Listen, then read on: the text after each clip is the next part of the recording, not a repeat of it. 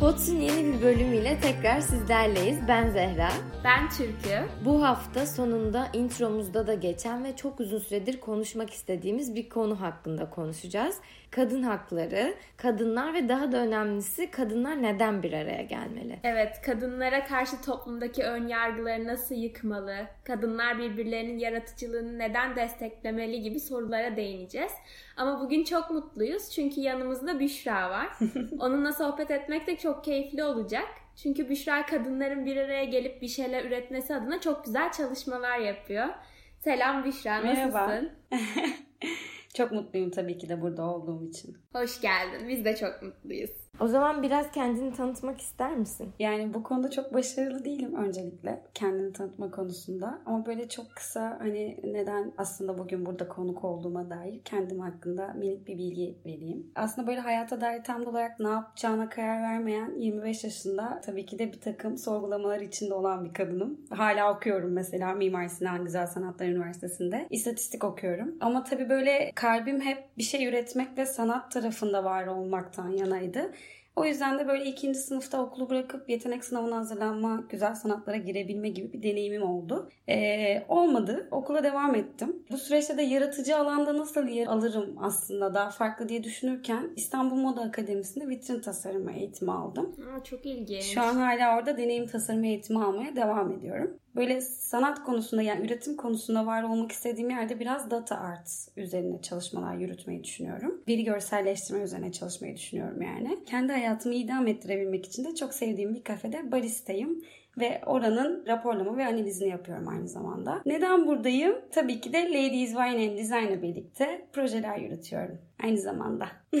Çok güzel. Zaten podcast'in ilerleyen bölümlerinde de Ladies Wine and Design'dan bol bol bahsedeceğiz. O zaman hazırsanız başlayalım. Pods uzaktaki iki arkadaşın telefon konuşmalarından oluşan bir podcast. Birimiz Kanada'da, birimiz de İngiltere'de olduğu için ilk sezonumuzun adını Deniz Aşırı koyduk.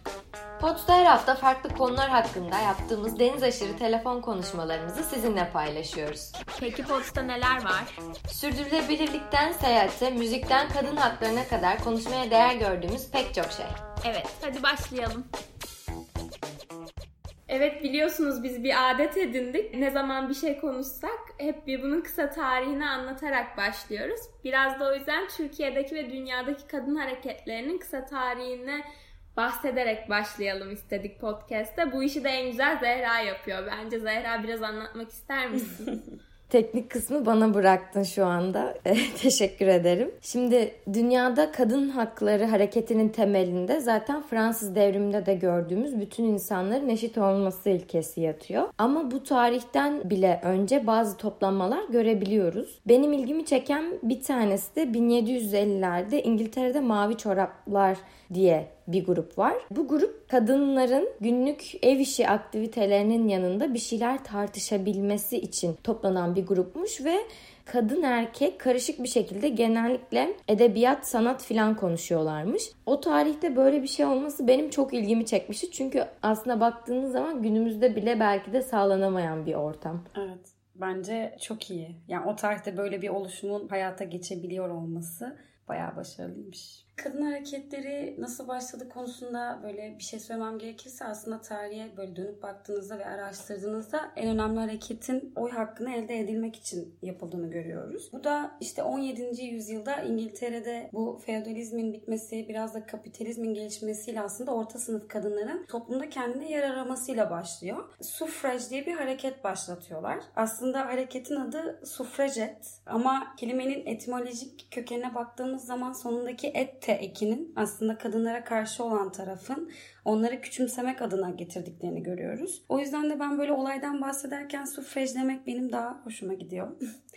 Çünkü bahsettiğimiz mücadele baya büyük bir mücadele bu arada. Tabii bu mücadelenin sonunda e, işte Birinci Dünya Savaşı ile maalesef bir mücadele kapanıyor ama savaş sonrasında kadınlara oy hakkı tanınıyor ve bence zaten kadınların ilk aşamada elde edeceği en önemli haklardan biri. BBC'de Suffrage Forever diye 3 bölümlük çok güzel bir belgesel var. İzlemek isteyenler oradan daha detaylıca bu konuya bakabilirler. Evet bu harekette böyle açlık grevleri falan da oluyormuş sanırım.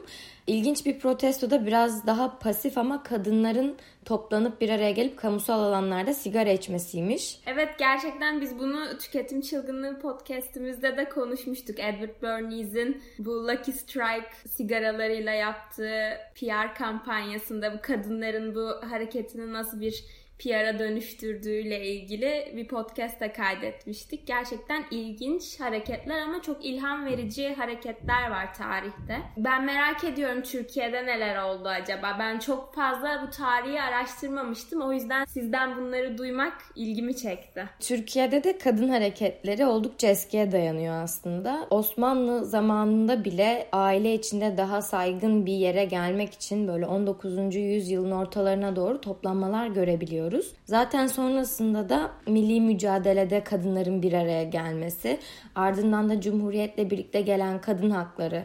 Gerçi şu anda günümüzde televizyonda konuşulan konulara bakınca aslında tam da olmak istediğimiz yerde olmadığımızı görüyoruz. Maalesef hala böyle üzücü ve saçma konuları tartışıyoruz. Yani hala o konuları tartışıyor olmamız maalesef gerçi tartışılıyor olması da bir noktada güzel ama 4 gün önce Dünya Ekonomik Forumu cinsiyet eşitliği raporu yayınladı. Bu 149 ülke arasında 130. sırada yer alıyoruz. Baktığınız zaman gerçekten biraz korkutucu bir yerdeyiz ve bunun sebebi de tabii ki siyasetin ve eğitimin de aslında buna katılmıyor olması. Yani maalesef sadece kadınların mücadele vermesi bir noktada yeterli değil. Hatta Euronew'de İzlanda birinci mesela bu sıralamada. İzlanda cinsiyet eşitliği konusunda nasıl dünya birincisi diye bir yazı yayınladılar.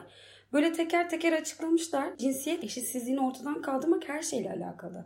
Bu çünkü sadece kadın üzerinde oluşan bir eşitsizlik değil. En çok ayrıştırılan cinsiyet tarafı kadın olduğu için biz aslında bu konuları tartışıyoruz. Bu hem siyasi kanallarla hem eğitimle hem aile içinde olması gereken bir şey. Bu konuda da maalesef ülke olarak biraz zayıfız. Yani Me Too diye bir kampanya düzenleniyor. Maalesef o kampanyada bile mesela bizim ülkemizde kadınların sesinin çıkmadığını görüyoruz. Çünkü medyada cinsel istismara uğrayan kadın sesini çıkarttığı zaman kadının resmini görüyoruz. Biz sonraki süreçte kadının suçlandığını görüyoruz. Utanan tarafın kadın olduğunu görüyoruz. Bu cinsel istismarı yapan tarafın görülmemesi, medyaya yansımaması, sadece kadının görünüyor olması yani her şey aslında baktığınız zaman böyle totalde bizi buralara sürükleyen bir şey. E, bu konuda çok güzel çalışmalar var. Ben güzel bir yere gideceğini de düşünüyorum. Çok hızlı bir şekilde gitmeyecektir ama yani bunun için büyük bir zaman koymuşlar. Yüzyılı aşkın bir sürede gitmeyeceğine dair, çözülmeyeceğine dair söylentiler var.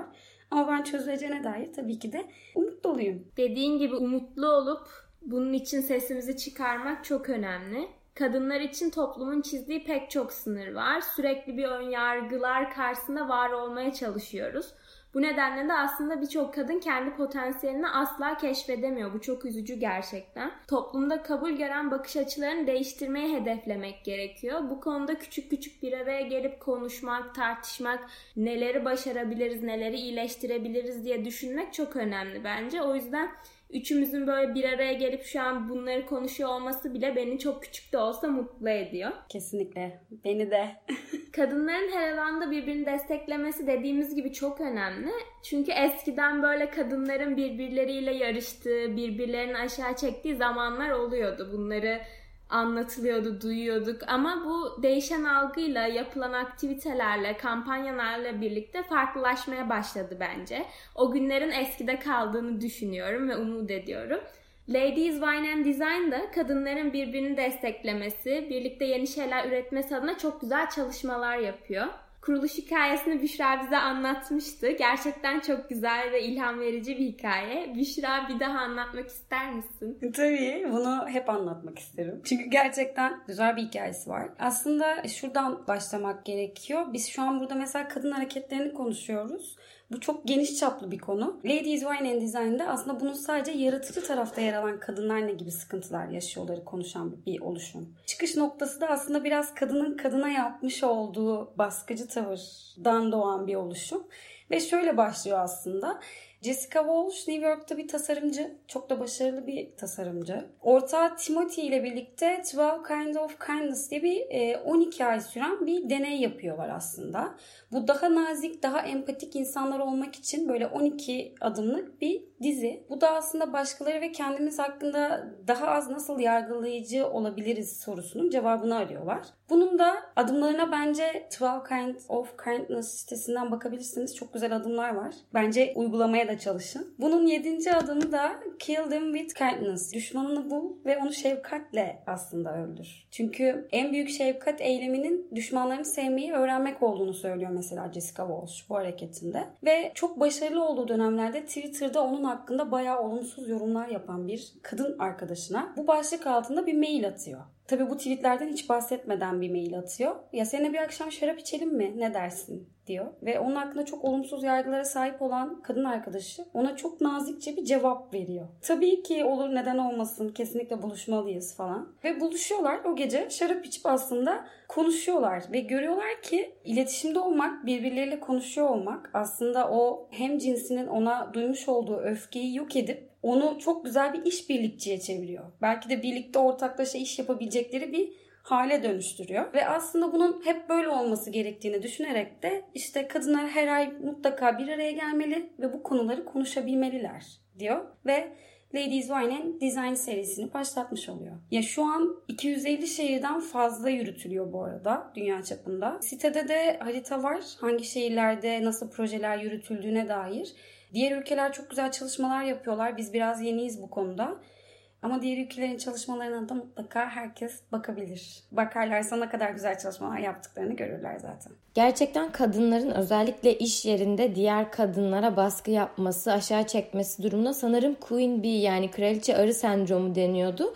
Bunu aşan aksine hatta kadınları yükselten bir platform olmanız çok güzel. Peki bunun Türkiye ayağı olarak siz neler yapıyorsunuz etkinlik olarak? Neleri amaçlıyorsunuz? Gelecek planlarınız neler? Ben çok böyle heveslendim Ladies Wine and Design'ı duyunca böyle bir oluşum olduğunu duyunca ve çok merak ediyorum neleri amaçlıyorsunuz, planlarınızı. Her şeyi merak ediyorum yani. Yani aslında İstanbul ayağı daha çok yeni oluşan bir ayak. En son 7. etkinliğimizi yaptık. Ben 3. etkinlikte dahil oldum bu arada. Tam da böyle işte aslında neler yapmalıyım ya, ben nasıl başlamalıyımın cevabını ararken böyle Maçka'da yapılan bir etkinliğe gittim ve oradaki birçok kadının böyle beni yönlendirmesiyle aslında şu an karar verdiğim birçok şeye o şekilde karar verdim. Etkinliklerin aslında asıl amacı da bu. Yani kadınların bir araya gelip birbirlerine hangi konuda olursa olsun destek olabiliyor olmalarını sağlamak. O yüzden e, biraz daha mesela kontenjan açısından daha az sayılı etkinlikler düzenlemeye çalışıyoruz. İşte 15 kişi gibi. Çünkü o akşam oraya gelen kadınların her birinin bir şekilde birbirine dokunuyor olması çok önemli her şeyden önce. Bu etkinliklerde işte neler var? Atıyorum kadın sanatçılar geliyorlar mesela yaratım süreçleri nasıl? İşte bu süreçte fikirlerini nasıl geliştiriyorlar? Onlara engel olan şeyler neler? Onları destekleyen şeyler neler? Ki bu konuda sizin mesela remix bölümünüz çok iyiydi. Onu dinlerken böyle etkinlikte konuştuğumuz birçok şeye de böyle bir gittim geldim. Birçok etkinliğimizde üretim, birlikte üretim yapabilmek adına düzenlenen etkinlikler. En son mesela Arnavutköy'de La Fabrika'da bir seramik etkinliği yaptık. Çok güzel bir etkinlikti. Kolektif bir şekilde ortaya çıkan eserler çok bütün ve çok güzeldi. Bu sene de aslında biraz daha böyle net belli olan sorunlar üzerinde durmaya çalışacağız. İşte atıyorum aynı yerde çalışan kadınların erkeklere göre neden daha az maaş alması gibi ya da işte sanat tarihinde ki bugün de tartışacağımız gibi kadının yeri neden yok gibi konular üzerine durmayı düşünüyoruz.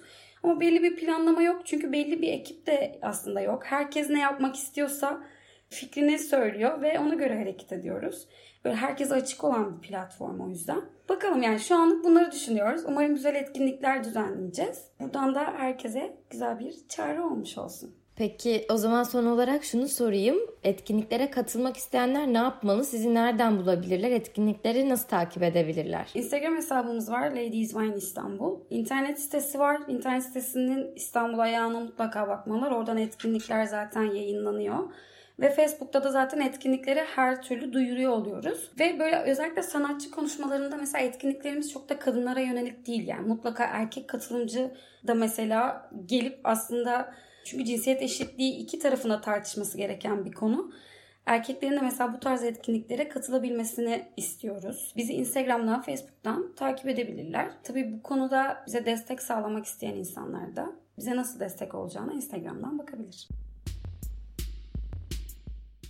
Ladies Wine and Design bence çok spesifik ve üzerine tartışmamız gereken bir konuya değiniyor. Kadınlar ve tasarım. Bu bence gerçekten fazlasıyla konuşulması gereken, üzerine düşünülmesi gereken bir konu. Çünkü kadınlar ve yaratıcılık, kadınların sanattaki yeri ne, toplumdaki ön yargılar ne bunlarla ilgili çok fazla aslında sorun var. Kadınlara karşı çok fazla ön yargı, toplumun yarattığı stereotipler var kadınlar araba kullanma konusunda başarısızdır, kız çocukları futbol oynayamaz vesaire vesaire gibi. Ben edebiyat okuduğum için şöyle bir ön yargıyı çok fazlaca duydum. Neden kadınlardan büyük şair ve yazarlar çok az sayıda çıkıyor diye. Gerçekten sizler de duymuşsunuzdur fazlasıyla bunu. Kadınların yaratıcılıkla ilişkisinin en çok sorgulandığı sorulardan birisi kesinlikle bu bence. Aslında bunun nedenlerini Virginia Woolf ki kendisi edebiyatta kadınların ne kadar başarılı olduğunun kanlı canlı bir örneği. Bunu çok beğendiğim kitabı kendine ait bir odada bu durumun nedenlerini, kadınların yaratıcılıkla ilişkisini, kadınların yaratıcı bir iş yaparken toplumun onlara nasıl engel olduğunu çok çok güzel anlatıyor. Bence herkesin okuması gereken bir kitap. Virginia Woolf kitabında kadın neden para kazanmalı, neden kendine ait bir odası olmalı, o odanın kirasını neden kendisi vermeli gibi gerçekten çok önemli sorulara cevap veriyor. Benim bu kitapta çok beğendiğim bir bölüm var. O da Shakespeare'in Kız Kardeşi adlı bölüm. Virginia Woolf bir kadının Shakespeare'in çağında Shakespeare'in oyunlarını yazmış olabilmesi her yönüyle ve tümüyle olanaksız diye yazıyor bu kitabında.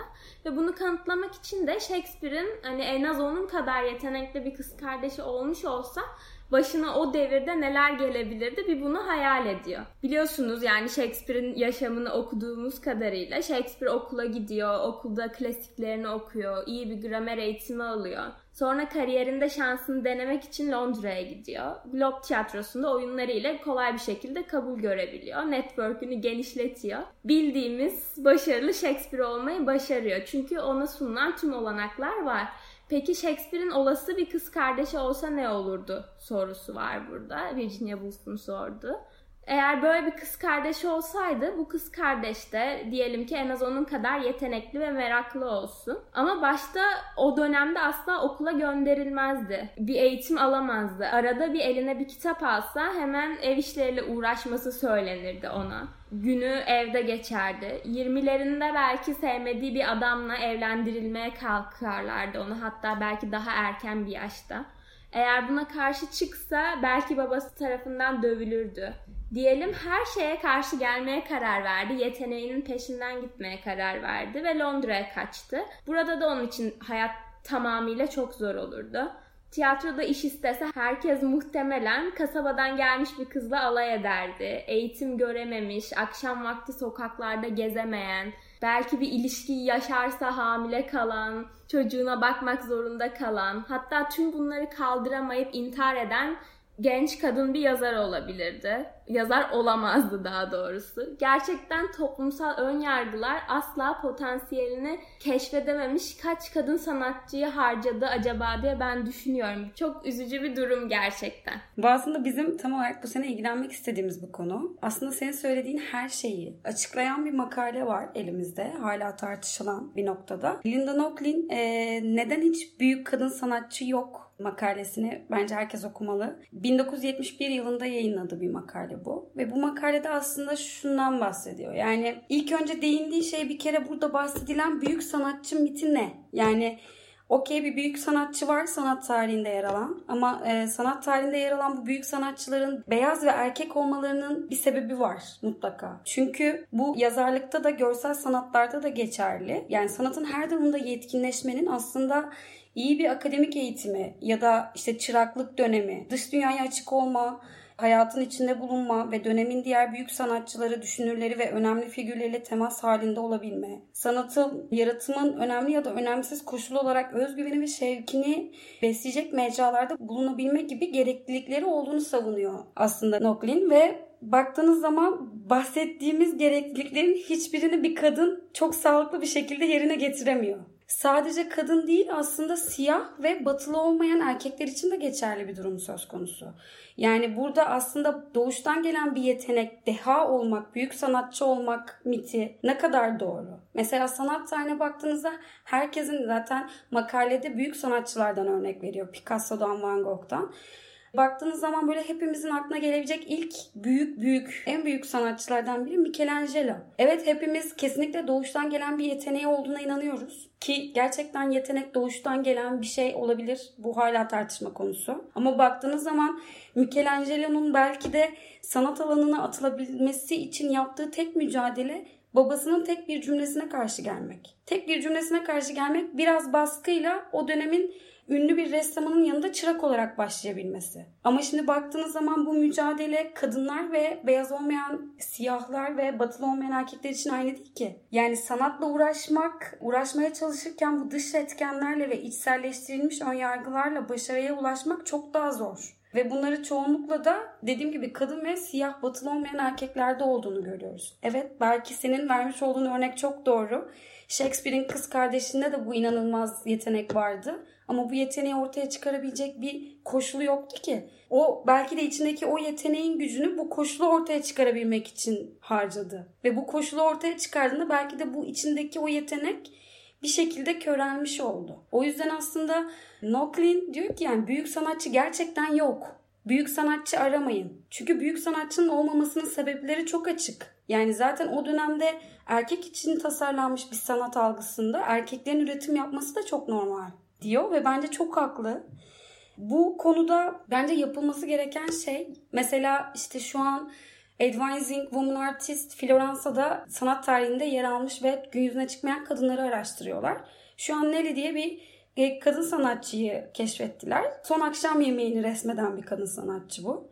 Baktığınız zaman e, hala restorasyonu devam ediyor mesela ve figürlerin çok feminen olduğunu görüyorsunuz. Çünkü o tarihte sanat akademisinde kadınların nü modelle çalışması yasak. O yüzden de şimdi çok büyük sanatçılar yaratılmamış olması da tesadüfi bir durum değil maalesef. Bu hala çok büyük bir tartışma konusu. Mutlaka araştırma yapan insanlar vardır. Bence bize mesela Ladies Wine and Design'a mutlaka ulaşsınlar. Bu konuda neler düşünüyorlar, araştırmaları hangi yönde ben çok merak ediyorum açıkçası. Şunu düşünüyorum. Hani bu zaten var olan eril yapıdaki sanat tarihine kadınları sokuşturmaya çalışmak yerine aslında çok güzel kadın sanatçıların varlığını bilip o sanatçıları araştırıp onların üretiminden e, ilham alarak daha donanımlı, daha deneyimli bir şekilde bu tarihte yer alabilmek, kendi başımıza yer alabilmeye çalışabilmek çok daha önemli diye düşünüyorum aslında. Kesinlikle dediğin gibi günümüzde de bu problem hala çözülebilmiş değil. Shakespeare 1500'lü yılların sonunda yaşıyor. Virginia Woolf da o zamandan bahsediyor. Ama bu hikaye hepimiz için çok tanıdık bir hikaye. Bu bir kadının başına gelebilecek hala gelen çok tanıdık bir hikaye.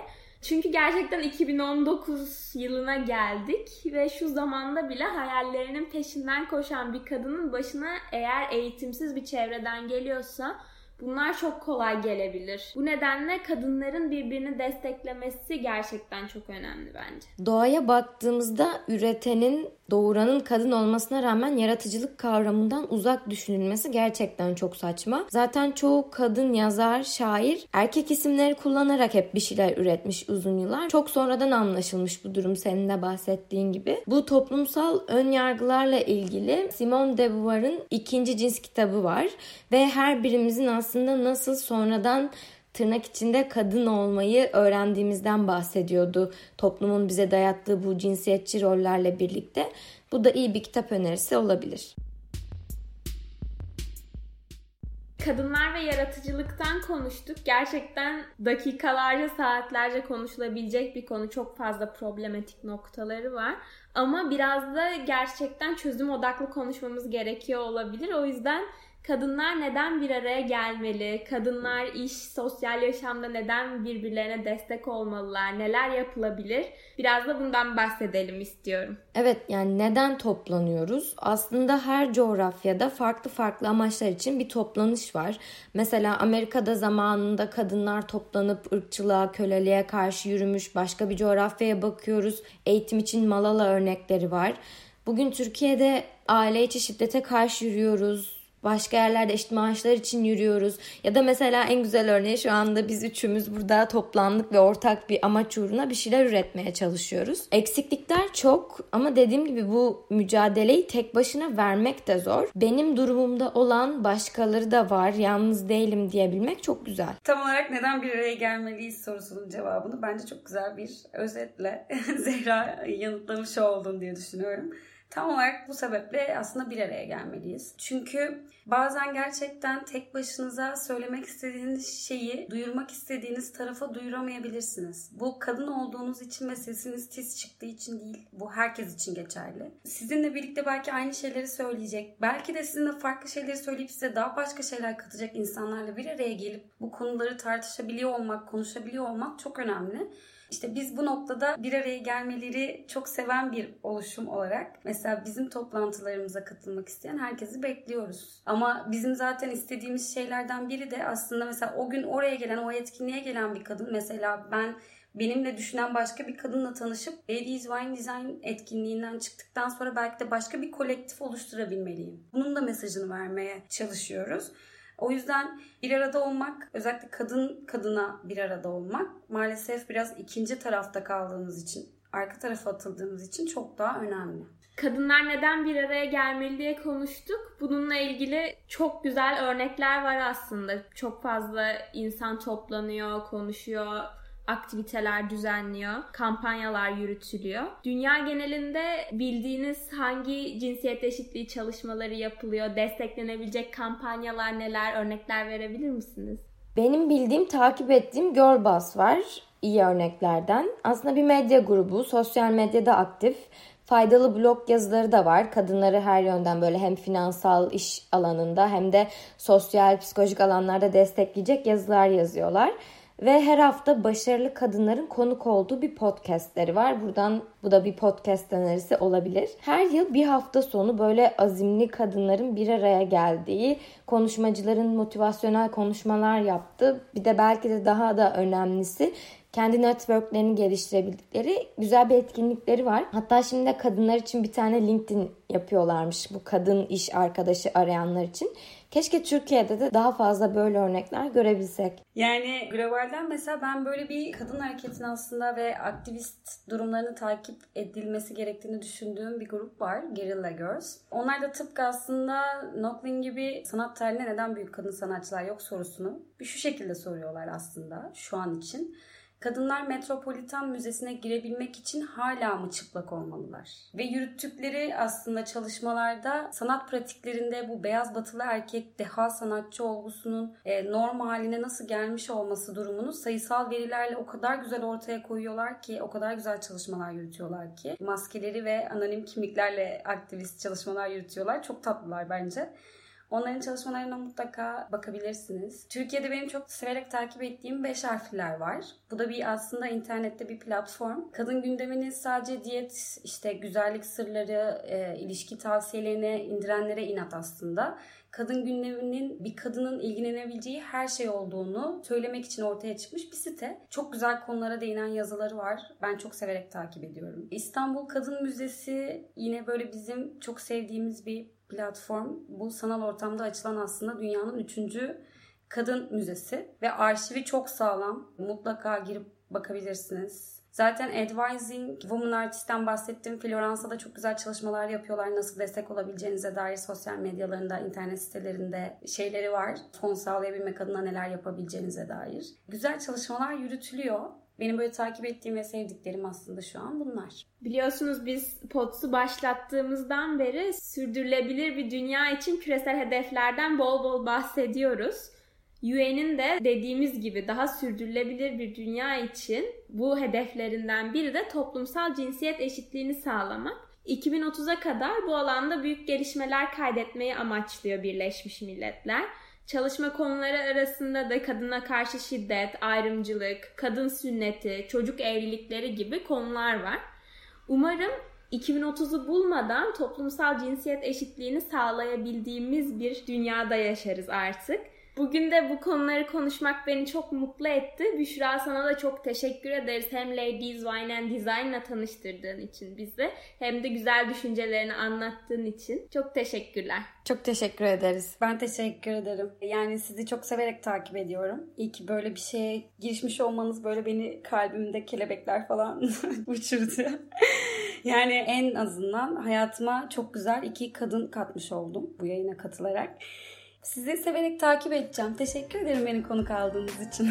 Biz çok teşekkür ederiz. İlerleyen bölümlerde görüşmek üzere.